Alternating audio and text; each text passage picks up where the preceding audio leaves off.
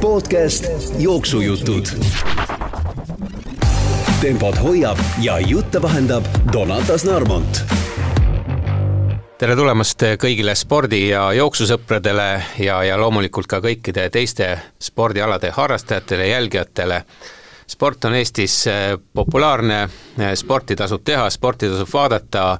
iga päev tuleb uudiseid Eesti sportlaste headest saavutustest ja nagu teame, ka ilus tali on Eestimaal eh, saabunud, nii et igalühel võimalik ka minna suusaringit teha, see on tõesti tõeline nauding, nagu ma ka omast käest tean. Aga meie alustame siis oma jooksujuttude podcasti teist osa, Donatas Narmont olen mina, ajakirja Jooksja väljaandja ja minuga on täna Roman Fosti, jooksumees, kelle nimi kommentaare Eestimaal ei vaja, nii et kui esimeses saates oli meil külas Tiidrek Nurme, siis teine legend ehk Roman Fosti on nüüd järgmises saates ja ja, ja saame siis kuulda täna, et mida siis Romka jooksmisest ja kõigest sellega seonduvast arvab.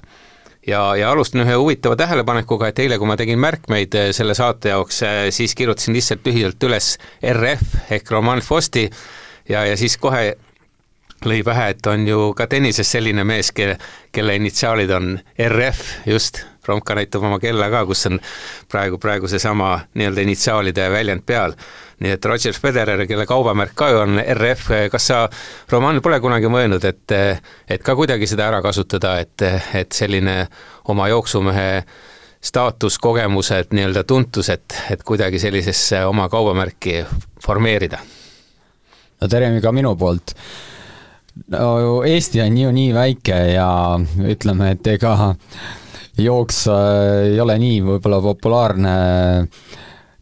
meie maal, et ma saaksin sellega äh, hakata raha teenima oma kaubamärki luues no mine tea, kõik on, kõik on võimalik, et äh, eks, eks selle Eesti väiksus on jah, tihtipeale paljude asjade puhul nagu takistuseks saanud ja sellepärast ka minnakse, minnakse oma tegemiste äridega Eestist äh, väljapoole üsna tihti. Aga eks see selline natuke naljaga pooleks oli öeldud, aga, aga noh, huvitav selline, selline kokkusattumus, et tegelikult äh, kui nüüd tõsisemalt rääkida, siis äh, ikkagi kaubamärk, see selleks, aga sinu nimi on siin Eestis tuntud ja ja, ja jooksumaailmas, spordimaailmas eriti, et et selline nagu hea vundament on tehtud, et kuigi sa nüüd just oled tippspordi lõpetanud, siis kindlasti selline jooksumaailmas, spordimaailmas teada-tuntud olemine, ka sinu selline positiivne imago aitab kindlasti sul siit elus äh, hästi edasi minna, et äh, kuidas nüüd noh, nende aegade jooksul, mis sa oled, mis sa oled nüüd tippjooksmisest eemal olnud, oled oma mõtteid seadnud ja, ja oled oma nii-öelda nagu plaanid pikemas perspektiivis ka selgeks saanud, et mis sa siin, mis sa siin Eestimaal nüüd tegema hakkad? jaa, et selle kaubamärgi osas võib-olla täiendan, et mul on äh, alates, ma arvan, kaks tuhat neliteist äh, kaubamärk maratonimees, et päris paljud kutu-, kutsuvadki mind äh, maratonimeheks. et sai loodud ähm, selle pära-, tõttu, et ähm, toetajatelt siis äh, nii-öelda toetusi saada, Maratonimees MTÜ ja selle juurde lõin ka siis kodulehekülje maratonimees.ee, kus ma siiani siis äh, kord kvartalis vähemalt püüan äh, blogiteksti teha aga jah, minu tulevik on kindlasti seotud ka selle maratonimees.ee-ga, äh, nõustan ma maratoni huvilisi, inimesed, kes tahavad siis äh, läbida maratoni nii, et nad jääksid terveks, nad targaks treeni äh,, treeniksid targalt. Ja muidugi, et need emotsioonid finišis oleksid väärtuslikud. aga hetkel ma olen ju tööl juba aasta aega Eesti Energia spordiklubi juhina ja jätkan seal mul äh, on aasta hästi läinud seal, olen äh, isegi ütleme, et eesmärkidest äh, olnud mõnevõrra eespool, mis, mille üle on hea meel. ja see on olnud põnev aasta, ma olen teinud palju erinevaid spordialasid, mänginud isegi korvpalli, jalgpalli suusatanud Tartu maratoni, nüüd panin ka kirja järgmisele, kuna toimub ju juubeli aasta viiekümnes kord, teinud seiklussporti ja nüüd äh, miks mitte järgmine aasta äkki teha ka selline tuntud äh, maraton läbi nagu Võhandu aeratumismaraton, mis on lausa sada kilomeetrit, et äh, täitsa üks päev vaatasin kalendrisse, et äh, regamine alles algab uuel aastal, nii et pean silma peal hoidma no siis on meil ühesugused plaanid, sest mul on täpselt sama plaan, et eelmine aasta oli juba, aga siis kahjuks ei õnnestunud minna või ei õnnestunud seda ettevalmistust teha, aga aga sel aastal on plaanis kindlasti ära teha ja see on selline huvitav väljakutse, et see ei ole ainult nagu võistlus, aga endale proovile panek ja, ja nii-öelda nagu ka mõnes mõttes sellise tundmatuse avastamine, et mis seal siis tegelikult sada kilomeetri jooksul juhtub, et, et selliseid, selliseid väljakutseid on huvitav vastu võtta. jah, ja jätkan ka muidugi maratoniturismiga. Et äh, viisteist aprilli jooksen maailma vanimat maratoni Bostonis, mis on minu arust juba saja kahekümne kaheksas kord tulemas. Ja siis äh, võtan ette ka järgnevad äh, Majorsi maratonid, et niikaua, kui mul on veel hea maratoniaeg, siis on nii-öelda lihtsam peale saada. tahaks need kuulsad suu-, kuus ära teha, mulle endale meeldib just selline hea õhkkond ja sealt seda kindlasti saab, kuna stardis on ju nelikümmend tuhat jooksjat ja raja ääres kindlasti nii-öelda pealtvaatajad, kas nende tuttavad pereliikmed, nii et võib öelda, et kaks-kolm korda rohkem veel pealtvaatajaid. No jaa, see Majors sari on omaette väga huvitav ettevõtmine, et seda on ka paljud äh, jooksjad nagu maininud, et, et selle läbitegemine on selline äh, äge eesmärk, et kuus maratoni jah, et tuletame meelde, et seal on siis New York, Chicago, Boston äh,, Äh, London. London, äh, Tokyo ja Berliin, Berliin, just, jah, et, et sellised, mõned kaugemal, mõned lähemal, sa ei ole seni ma ei ole seni ühtegi jaa, et mul on alati olnud ju suve lõpus tiitlivõistlus, siis sügisel tead juba ei jõua selleks valmistuda, kevadisteks äh, pole saanud kas headel tingimustel peale, et on kutsutud pigem mõnele teisejärgulisele maratonile, kus on olnud stardirahad, nii et olen pigem ära kasutanud eh, neid hüvesid no tuleme kohe sinu tänaste tegemiste juurde ka, aga korra lühidalt käime läbi ka, et eh, mis siis sinu sportlaskarjääri nagu meenutama jäid, et teada on, et eh, sa oled ju selline maratonijooksja, kes alustas nii-öelda väga lühikeste distantsidega, et jooksid ju väga kõrgel tasemel kaheksasadat meetrit, palju see mark jäi seal? Üks nelikümmend üheksa null seitse, et äh, veel selle aasta suveni oli minu käes juunioride Eesti rekord üks nelikümmend üheksa kolmkümmend üks, et nüüd on meil tulnud üks tubli äh, noor jooksja peale ja ootan äh, huviga, et kas ta suudab ka juba üle kahekümne aasta olevat Eesti rekordit ohustada siin järgnevatel aastatel. ja jooksin ju juunioride MM-il nägin oma silmaga samal võistlusel, kuidas jooksis Usain Bolt, see andis veel rohkem innustust, see feeling sellel võistlusel.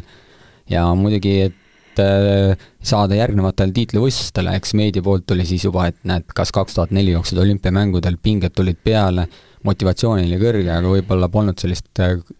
õiget äh, sihti, kuidas sinna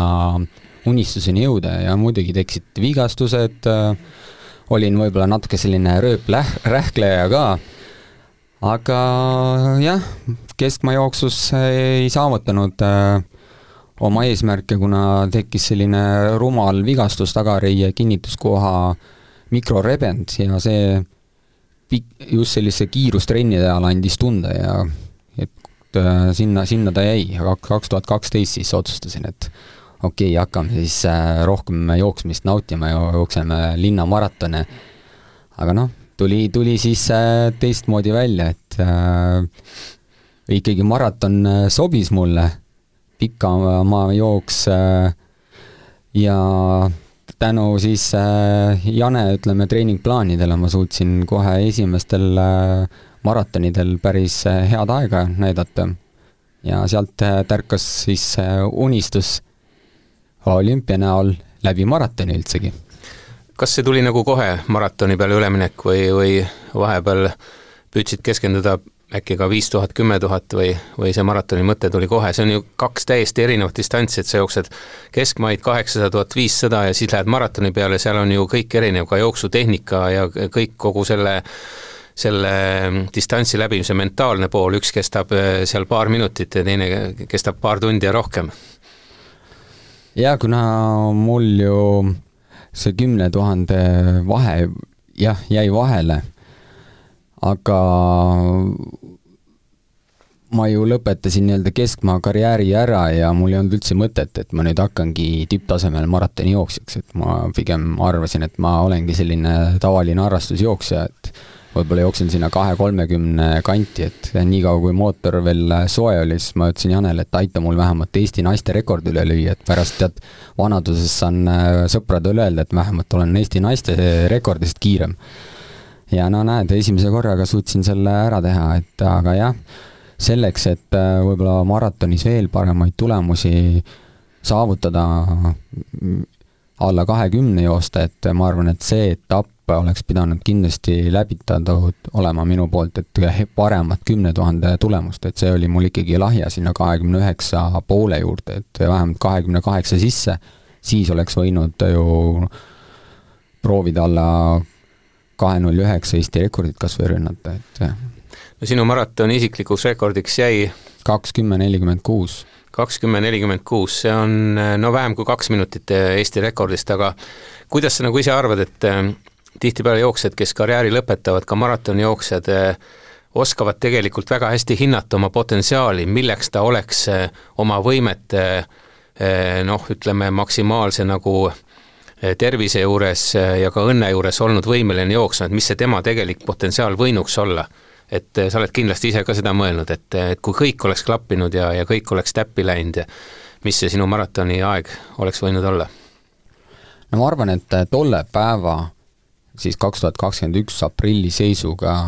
heal rajal, noh näiteks Berliini või Valencia maratoni rajal oleks olnud üks minut-poolteist kiirem, ehk siis kahe null üheksa sisse. et ma ei julge öelda, et see on alla kahe null üheksa, et siis oleks pidanud äh, võib-olla tõesti selle kiirusvastupidavuse baasis paremaks veel saama.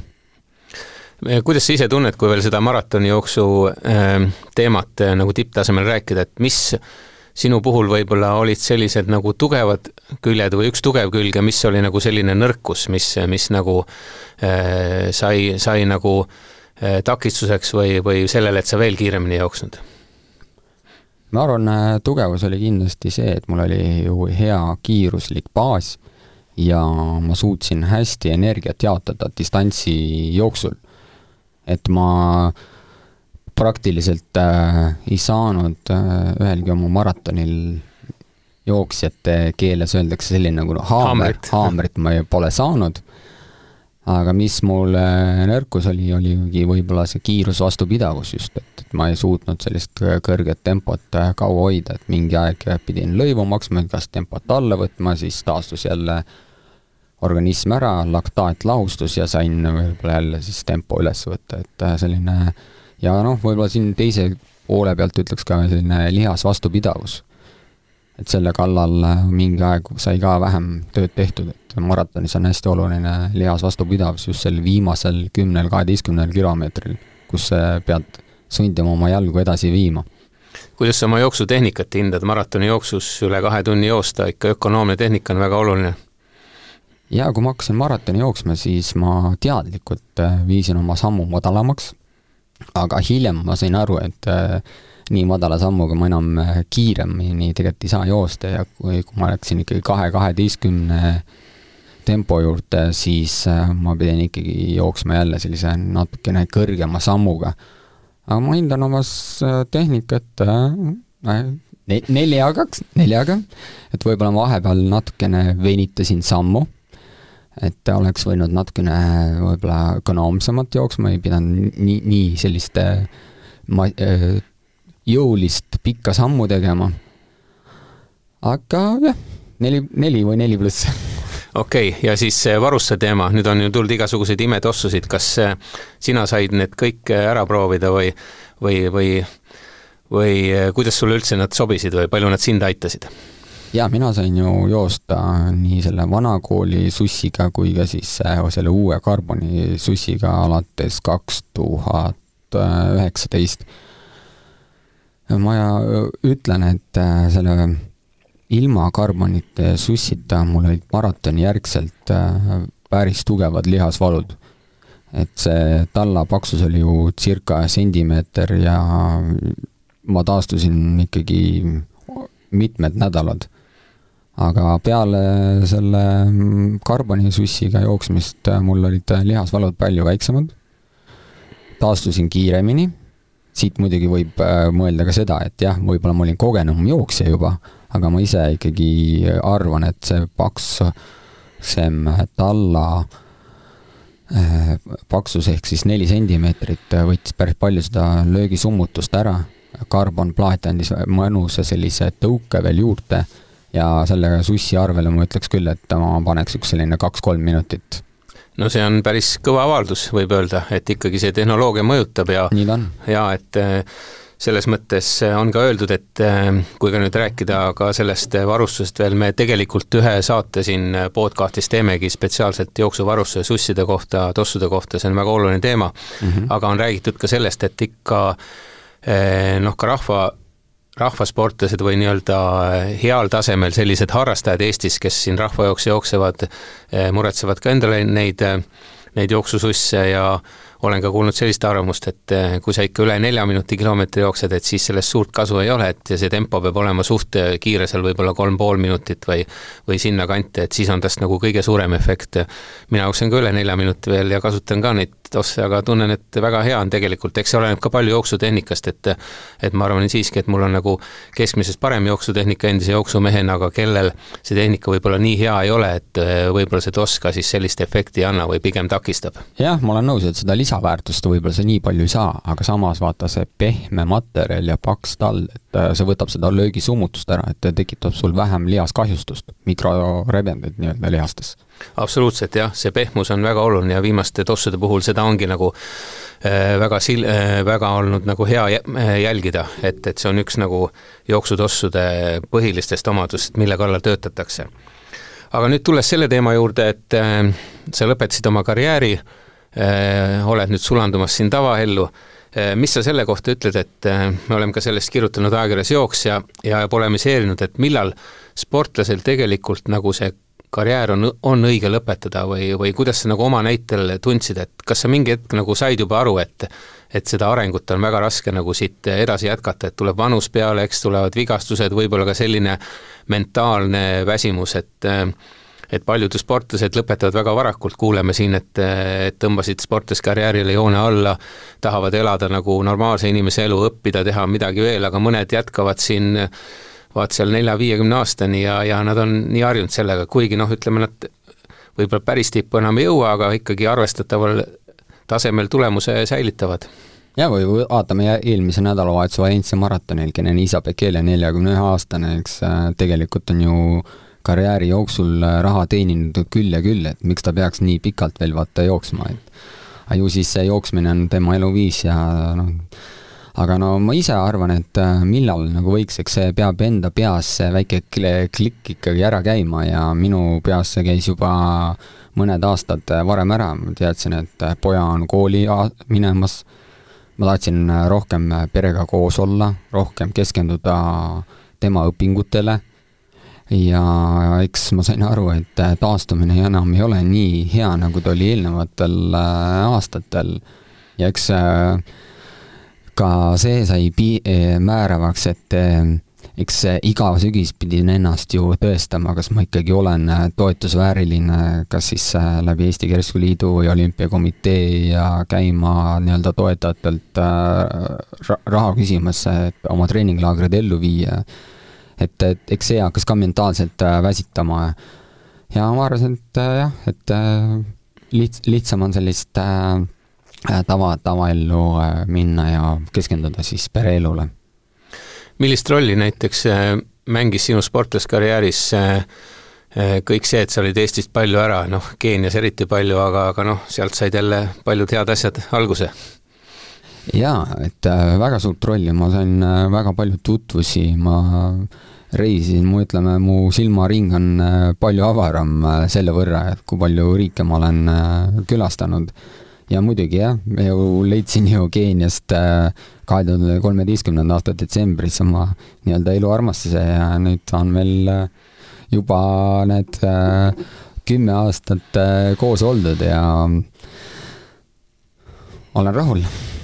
ja nüüd te tulite ju terve perega veel Eestisse elama, see on ju väga suur elumuutus tegelikult. jaa, ja, ja, ja veel suurem elumuutus toimus meil juulikuus, et meil sündis perre tütar Amelia. nii et päevad on sisukad ja ka rõõmsad, jah kuidas sinu abikaasa ja pere üldse nende Eesti oludega on kohanenud, et kunagi me rääkisime ka, et ikka see kliima on nagu teistmoodi ja noh, praegugi täna, täna hommikul siin väljas kümme kraadi külma ja selline pakane lumi maas, ikka midagi muud, kui ma Keeniast mäletan. jaa, eks see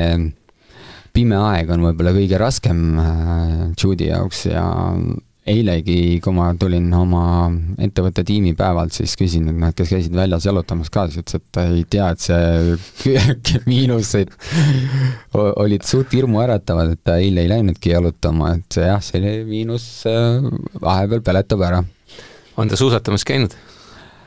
suusatamas ma, mul ei tule praegu ette, aga eelmine aasta käis see uisutamas ja see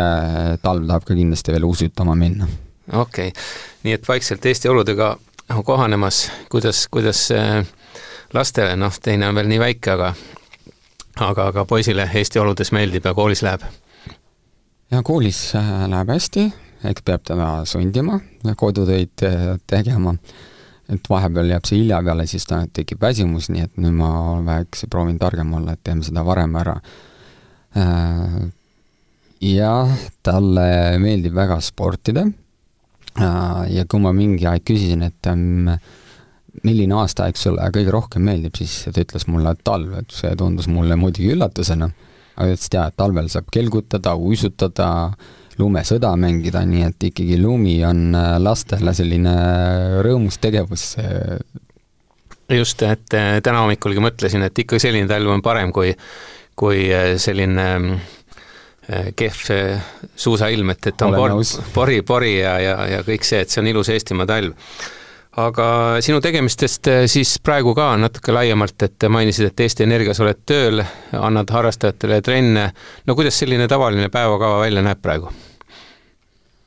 ise, ise treenid, harjutad, saate erinevaid alasid proovida, elu on põnev tegelikult. et praegu ma täna hommikul näiteks käisin ujumas, et teisipäev, neljapäev käin koos UP neljakümne kolme spordiklubiga siis ujumas, seal Aleksander Latin püüab minu ujumistehnikat äh, paremaks lihvida. hakkad triatloni tegema? jaa, ma see aasta tegin juba olümpiadistantsi, järgmine aasta on soov teha siis äh, poolik Ironman ja kui poolik Ironman äh, väga halba muljet mulle ei jäta ja jätab mu tuharalihased terveks, siis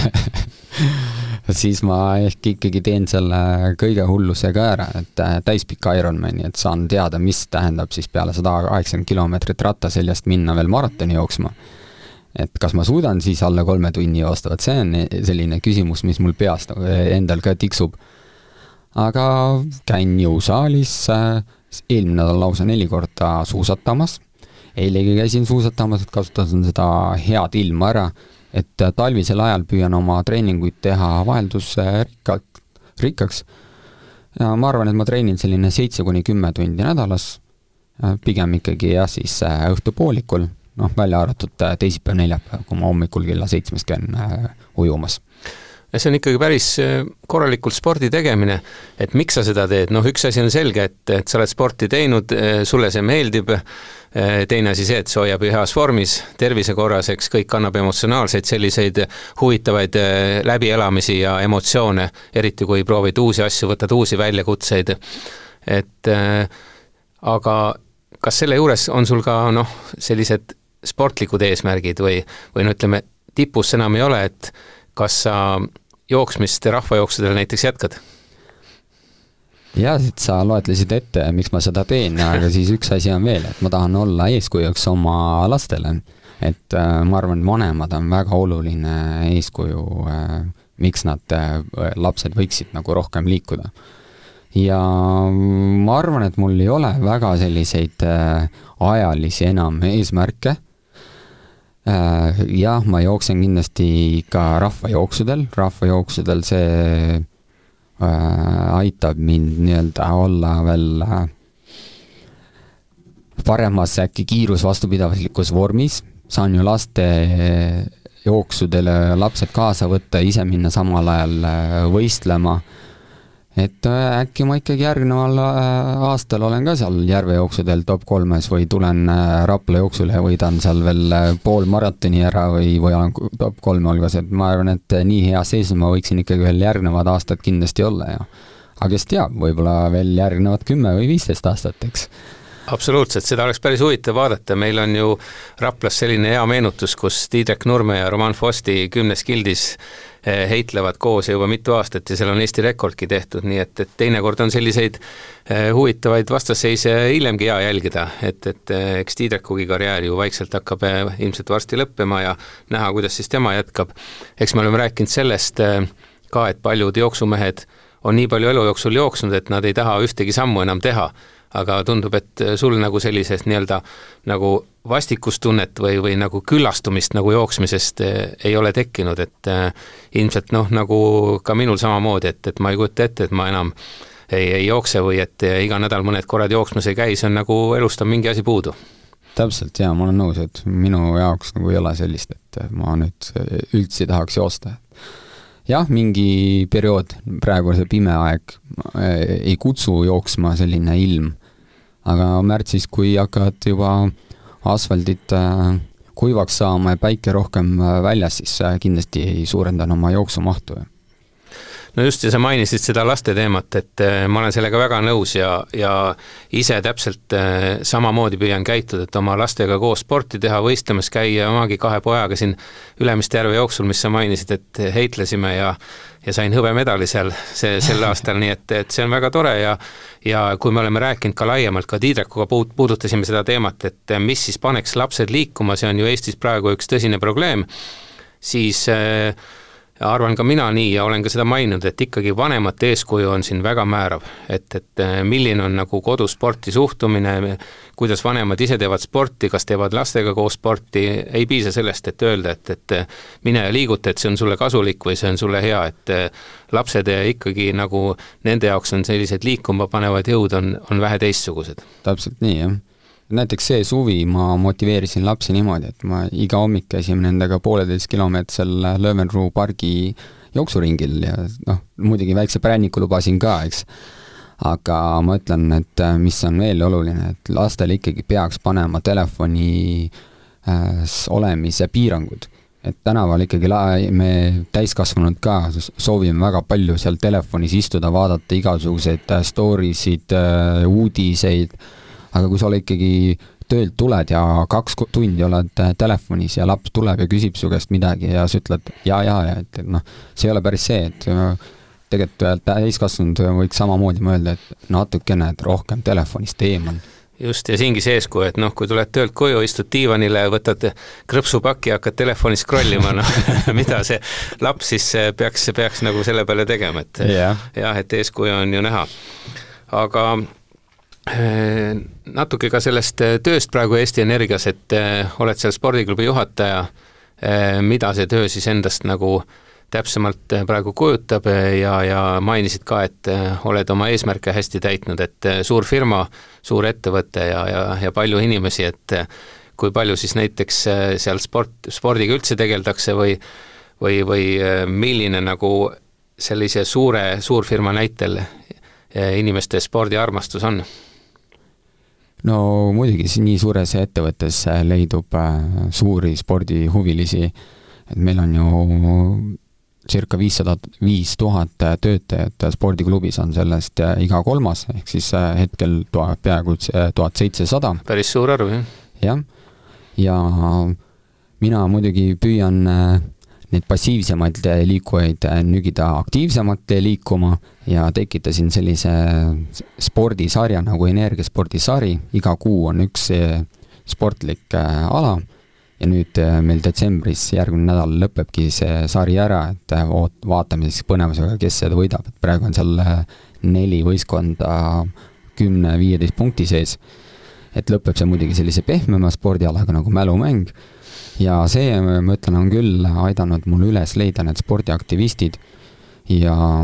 saavutasime kõrge teise koha Eesti sportlikuma ettevõtte sarjas, mida korraldab firma Sport äh, Swedbanki järel.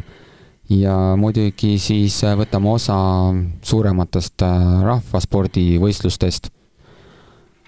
näiteks selline huvitav võistlus nagu tipustopini läksime välja, inimestele väga meeldis, tiimitunnetus tekib ja, ja siis kutsume võib-olla ka oma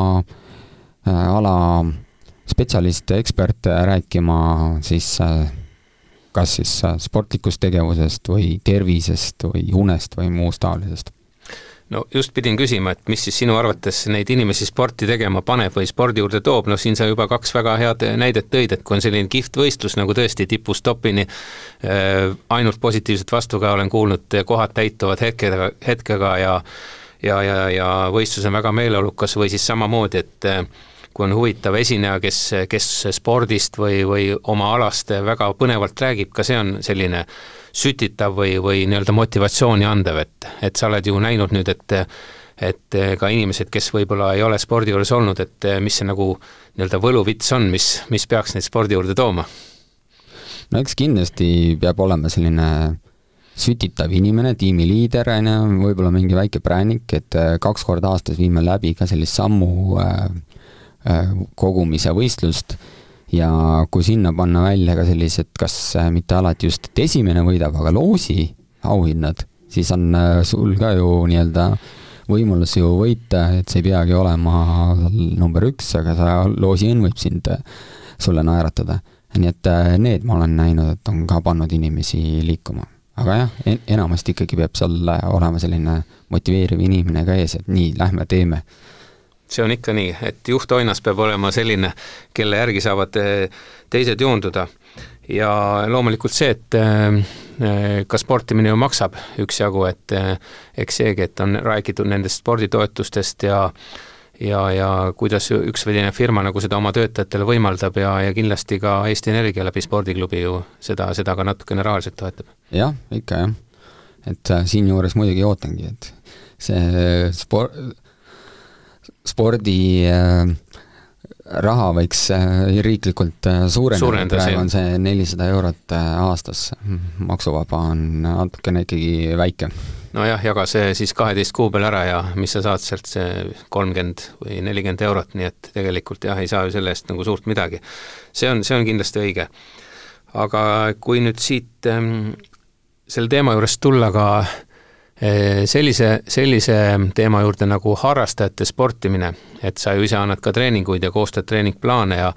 ja, ja me oleme rääkinud ka sellest, et eh, või üleüldiselt on räägitud väga palju sellest, et eh, kas spordiharrastajad, sellised tõsisemad tegijad, kellel on oma eesmärgid, treeningplaanid, hea varustus, samas on nad tihtipeale juba veidi, veidi ka ealiselt vanemad et kas nende jaoks on õige selline nii-öelda harrastustasemel võistlussport või kuidas me seda nimetame, et järve jooksul võtan eesmärgi, et olen nüüd saja hulgas või viiekümne hulgas või oma vanuseklassis eh, seal kolme hulgas, et üldiselt nagu väga positiivselt sellest ei räägita, et inimesed pingutavad üle ja ja, ja võib-olla rikuvadki tervist, aga mina vastupidi, olen nagu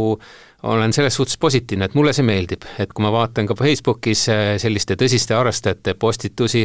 eh, nende plaane, nende eesmärke, see on tegelikult eh, minu arust nagu äge. et kui inimene teab, mis ta teeb, siis selliste eesmärkide püstitamine ja läbi selle oma treeningute ehitamine annab kõigele sellele nagu mingi mõtte ja, ja annabki motivatsiooni. jah, olen nõus. et jah äh muidugi kõike tuleb võtta nii-öelda mõistusega, eks, et äh, vaata, vaadata vahepeal passi, vaadata, kuidas äh, on äh, töö, pere, elu graafik, et ei to-, ei tohiks unustada, et et pe-, pe-, pere ja sõbra, sõprade elu tuleb ka vaata elada, et, et ei ole ainult nii, et töö ja sport, eks. jah, no see ongi üks selline äh, ka võib-olla kui jooksmise koha pealt filosoofia, et kui sa tahad väga korralikult tre trenni teha, tead ise ju, et jooksutreening tähendab seda, et sa oled peale seda ju väsinud, see on ju loomulik. ja, ja kui sa teed veel rohkem trenni, siis oled sa veel rohkem väsinud ja tegelikult väsinuna sa oma kvaliteetaega nautida ei saa. nii et, et tegelikult siin ongi need valikud, et et see, et võib-olla natuke saada paremaks, võtab su aega, võtab eh, võimalust olla sul lähedaste lastega vähem koos nii et, et selle tasakaalu peab nagu igaüks enda jaoks paika panema. jah, et äh, kaheksakümmend, kakskümmend reegel toimub ka, ütleme, spordis et, et kaheksakümmend protsenti sinu treeningust tegelikult peavad olema sellised, kus sa ei hingelda ja ne-, peale neid trenne tegelikult noh, nii-öelda sa ei olegi sellisest äh, surmväsinud, eks, ja kakskümmend protsenti sinu treeningutest, ehk siis kui ütleme, et sa teed nädalas äh, viis tundi trenni, siis äh, kakskümmend protsenti sellest on tund aega, tund aega võib olla selline intensiivsem, ehk siis kas segarežiimis või anaeroobse läve juures või üle selle natukene. no kuidas sina suhtud sellesse, sellesse mõttesse või, või nii-öelda tõdemusse, et mäletan, Priit Pullerits kunagi kirjutas, et äh, alla tunni aja pole üldse mõtet välja minna, et äh, joosta või suusatada või teha. et äh, mina olen siiski arvamusel, et teinekord, kui sa oled väsinud, siis ka see pool tundi aitab, see toob sind ikkagi kuidagi nagu äh, uuesti, uuesti nagu sellisesse äh, sellisesse seisundisse tagasi, kus su pea ei ole võib-olla paks ja, ja jõuad mõned mõtted läbi mõelda. aga, aga kuidas sinu arvamus on? Äh, mu arvamus on nii, et äh, mina, kui ma vaatan enda vaatevinklist, ma treenin iga päev, ütleme selline noh, tund aega ja ma nüüd äh, üks päev näe-, noh, tõesti tunnen, et mul on hästi kiire seal, võib-olla olen surmväsinud et noh, siis tõesti ma pigem ei lähe, kui ma lähen teen selle pool tundi, et mul võtab riidesse panemine juba viisteist minutit ja pärast pesemine. et siis on paslik ja jah, vahele jätta aga inimene, kes võib-olla mõned korrad ainult nädalas äh, treenib ja tema võib-olla selle mõttega, et oh, mis ma nüüd enam lähen, et mul pole ju seda tundi aega, aega, mul on ainult pool tundi, siis ma ütleks küll, et pigem mine ja tee see pool tundi, aga siis tee natukene võib-olla intensiivsemalt. intensiivsemalt, täpselt, ma tahtsin öelda samamoodi, et, et siis teinekord, teinekord annab ka see treening hea efekti, kui sa lähed ja paned nii-öelda täiega ja, ja sul on lihtsam, lihtsam nii-öelda see, see aeg on lühem ja kannatad selle pingutuse ära ja ja teinekord eh, tahad just võib-olla näiteks on ilus nädalavahetus, oled välja puhanud ja lähed, teed sellise rahuliku aeroobses režiimis kahetunnise jooksu või matka, nii et eh, Õige. aga eh, inimesed, kui nad sinu poole pöörduvad, kui jooksuspetsialisti ja, ja, ja nõuandja ja treeneri poole, mida nad eelkõige nagu sinult ootavad? kas treeningplaanide koostamist, nõuandeid eh, nagu treeningu spetsiifika osas, varustuse osas, motivatsiooni osas, eh, mida neil kõige rohkem vaja on? no sa kirjeldasid peaaegu kõik asjad ära, et mul on selline küsimustik, kui nad minu poole pöörduvad, siis nad täidavad ära, siis viimane küsimus ongi, et minu ootused siis treenerile ja eks need ootused ongi täpselt äh, need, mis sa kirjeldasid ja kõige rohkem neid äh, huvitabki see, et äh, tark treenimine, siis tark plaan, et kuidas oma treeninguid niimoodi üles ehitada, et ma endale liiga ei teeks. et noh, et suu, palju tehakse sellist nii-öelda suvalisi treeninguid nädalasse visates, et ma teen a la need jõu, jõusaaalitrenni, järgmine päev lähen teen intensiivse trenni, tegelikult need kaks asja nagu kokku ei sobi, on ju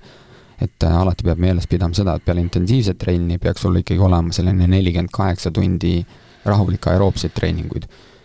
Ja eks muidugi motivatsiooni, äh, tagasisidet, äh, saavad küsimusi küsida, kui on mingid tervisemured,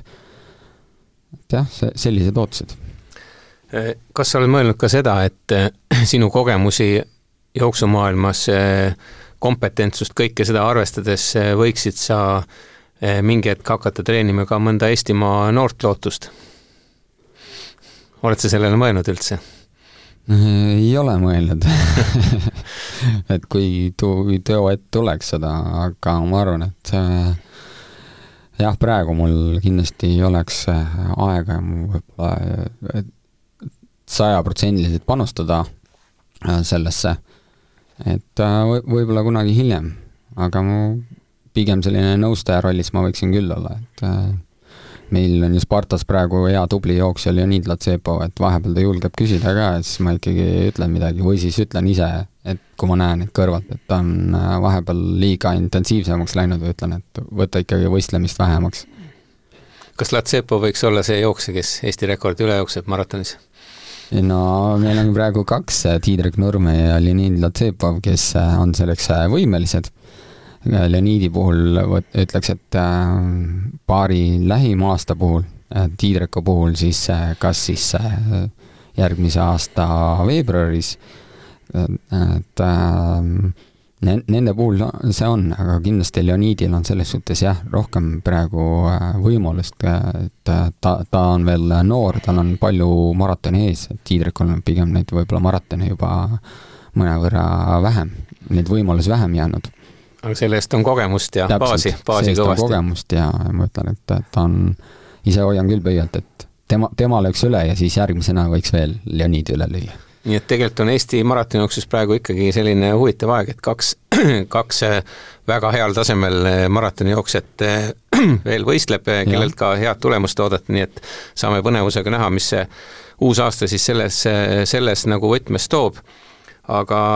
nüüd saate lõpupoole ka üks selline teema, mis on ka praegu aktuaalne ja, ja millele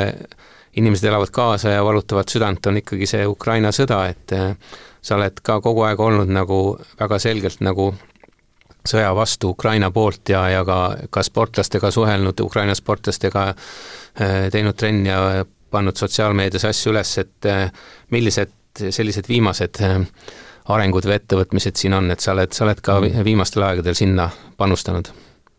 Jah, kui sa praegu sellest rääkisid, mul ütleme, käisid sellised äh, külmavärinad ja kananahk äh, üle, et äh, tuletasin just meelde seda aega, kui see sõda algas, me olime Keenias treenimas koos teise Ukraina maratonijooksja Mikola Nišnikiga. ja ta oli väga heas seisus, pidi minema maratonile ja sel päeval, kui see sõda toimus, al-, algas, siis äh, ta tegi oma viimase jooksu ja järgmise jooksu ta tegi alles, ma arvan, paar-kolm kuud hiljem. et äh, päris palju Ukraina jooksjaid on äh, paraku maratoniradadelt eemale nüüd jäänud. ja praegu on nad rindel, et siin on nii mitmeidki minu tuttavaid maratonijooksjaid.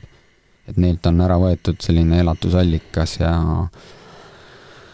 jah, mis me räägime siin sportlastest, räägime on ju tavainimesest ka, et nende elu on äh, ära rikutud, et, et nendel lastel äh, lapsepõlv ära võetud, äh, paljud on kaotanud oma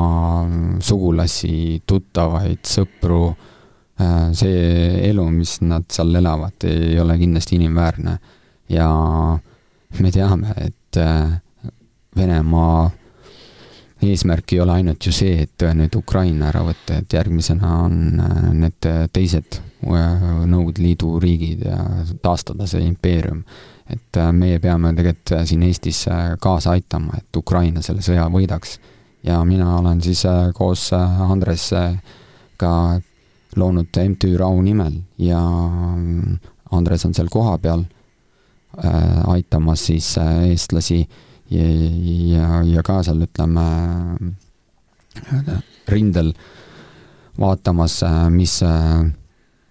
abi on vaja. Ja oleme siin äh, saanud päris head summad kokku, et nüüd äh, toetada neid Eesti sõdureid ja ka nende üksusi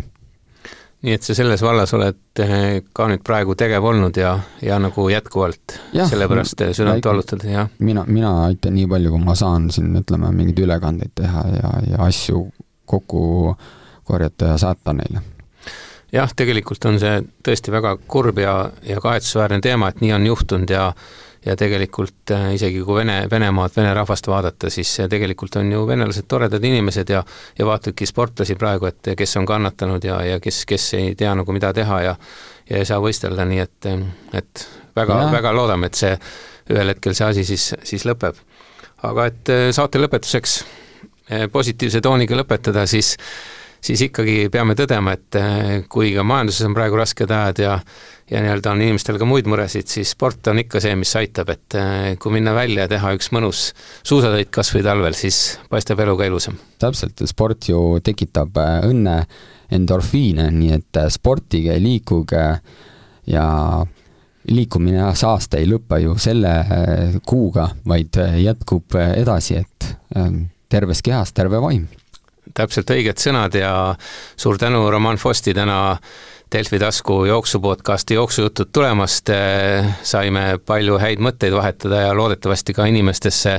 positiivsust süstida, et sport ja liikumine aitab, aitab meid ikka siis, kui on rasked ajad või või siis, kui on vähe, vähe lõbusamad ajad, et tehke sporti, nautige Eestimaa talve ja meie kohtume siis õige pea taas jooksujuttude järgmises osas. nägemist! Podcast Jooksujutud. tempot hoiab ja jutte vahendab Donatas Narmont